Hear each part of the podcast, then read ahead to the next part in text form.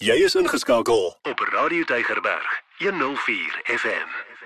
Ek gesels vandag weer met Dr. François Swart, pastorale en kliniese terapeut en ons pak lewenskwessies sommer kaalvuis aan want ons wil eintlik vir jou help en in die proses help ek myself eintlik ook om by 'n punt te kom waar ek kan sê ek kies lewe. Vir jou tyd vandag weer Dr. François, dankie, ons waardeer dit. Dankie, Lorraine, is 'n voorreg om saam met jou en die luisteraars te kuier. François, so aan die begin van 'n nuwe jaar het baie mense wonderlike voornemens en hulle wil allerlei goed doen. En nou weet ons die navorsing sê binne die eerste 3 weke het 80% van die voornemens al by die deur uitgewaai want die sorges van die lewe pak ons weer beet. Ek wil vandag juis gesels oor hierdie onderwerp, die sorges van die lewe. Want in 2022 het daar miskien in baie mense se lewens dinge gebeur wat baie traumaties was of sleg was of wat hulle teruggesit het of emosioneel benadeel het. Nou is ons alweer sommer in 'n nuwe jaar in. Ek wil weet, hoe pak ons 'n nuwe jaar aan deur vorentoe te kyk. Die apostel Paulus sê mos ek vergeet wat agter is en ek strek my uit na wat voor lê. Hoe doen ons dit? Want die liewe Here het ons ook geseën met 'n geheue. Hoe kan ek die slegte goed wat verlede jaar gebeur het keer om my toekoms nou te beïnvloed? Is is 'n groot vraag, maar ek dink baie mense sukkel met dit. Ek dink dit is 'n groot vraag, Lorraine. En ai, hierdie nuwe jaar voornemens, elke jaar val ons presies oor dieselfde hek. ja, ons leer ook. En soos jy sê, 3 weke en dan is voel jy 80% van die goed uh, gaan ek in elk geval nie by uitkom nie.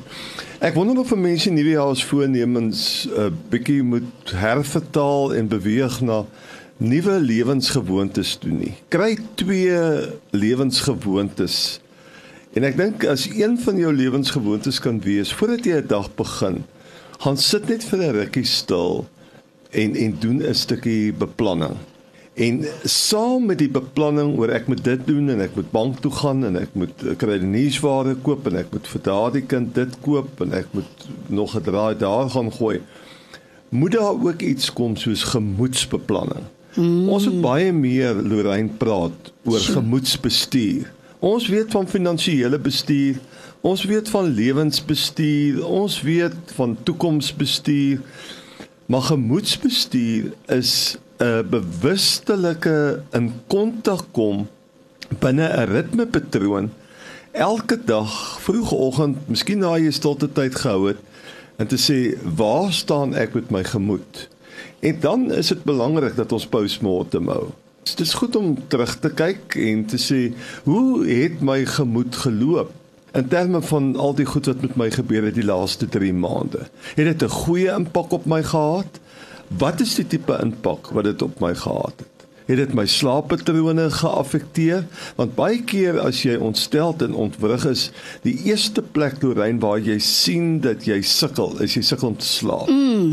en dit vat vir jou 2 3 dae van slegte slaap en dan word jy sommer 'n onaangename mens mm. niemand kan met jou oor die weg kom nie jy skot van draad jy's humeurig en dit is as gevolg van 'n klomp goed wat dalk nie lekker was wat gebeur het nie Nou slaap jy ook sleg en jy kyk dit nie behoorlik in die oog nie en en probeer uitvind wat is die effek van daai slegte goed. En dan natuurlik as jy voel maar ek staan in spin binne in hierdie slegte goed en ek kan nie uit dit uitkom nie.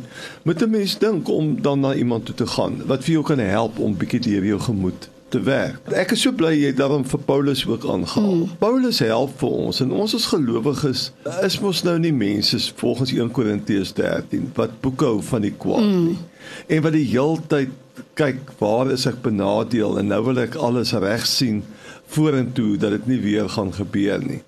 Bestuur lê daarin dat jy erken dat iets wat in die verlede gebeur het, het 'n effek op jou lewe gehad om 'n behoorlike beleining van daardie effek te doen, 'n besluit te neem hoe kan ek dit konstruktief bestuur?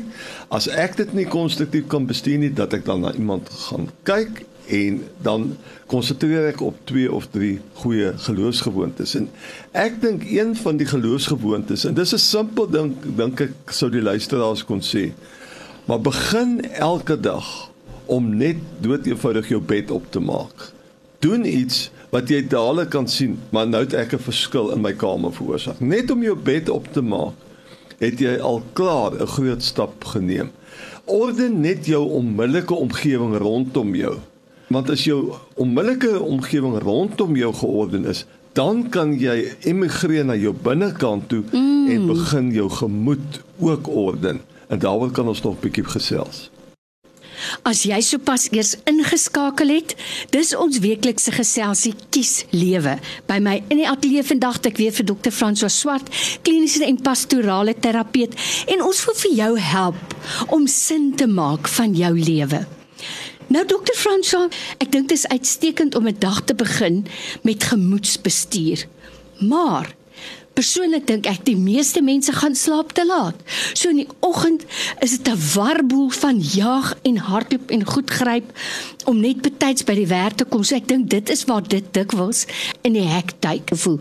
Ja, ek dink dit verskil van persoon tot persoon om vir 'n mamma wat uh, twee klein kindertjies onder 5 het of jy het 'n klomp kinders wat jy skool toe moet sien om te verwag dat hulle in die warboel van die oggend van opstaan nou skielik stil moet word dink ek is net nie realisties nie.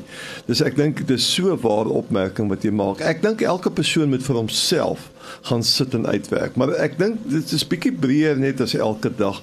'n Mens moet iewers in die week 'n weekbeplanning doen. Jy moet mm. maar 'n dagboek hê en dan 'n uh, breë idee het wat jy hierdie week gaan doen. En dan kan jy besluit, nou wanneer is my stille tye? Dit kan wees dat dit tussen 1 en 2 in die middag is dat ek môre se beplanning doen of dit kan in die aande wees mm. as daar 'n stil oomblikie is. Dis ek dink nie ons moet getroud wees met die idee dat die, jy maak jou oë oop en jy bors jou tande en nou knikknoppe te mekaar, nou sit jy met jou dagboek en nou gaan jy in 'n beplanning ding in. Ek dink die belangrike ding is maar net om wel tye te skeduleer waar jy bietjie in kontak kom met jou gemoed mm. en dan uh die positiewe dinge erken en op 'n konstruktiewe manier met die negatiewe goed omgaan en moenie toelaat dat die negatiewe goed in jou lewe jou geluk steel nie. So belangrik wat jy nou sê Dr. Frans, so ek gaan nou 'n voorbeeld noem.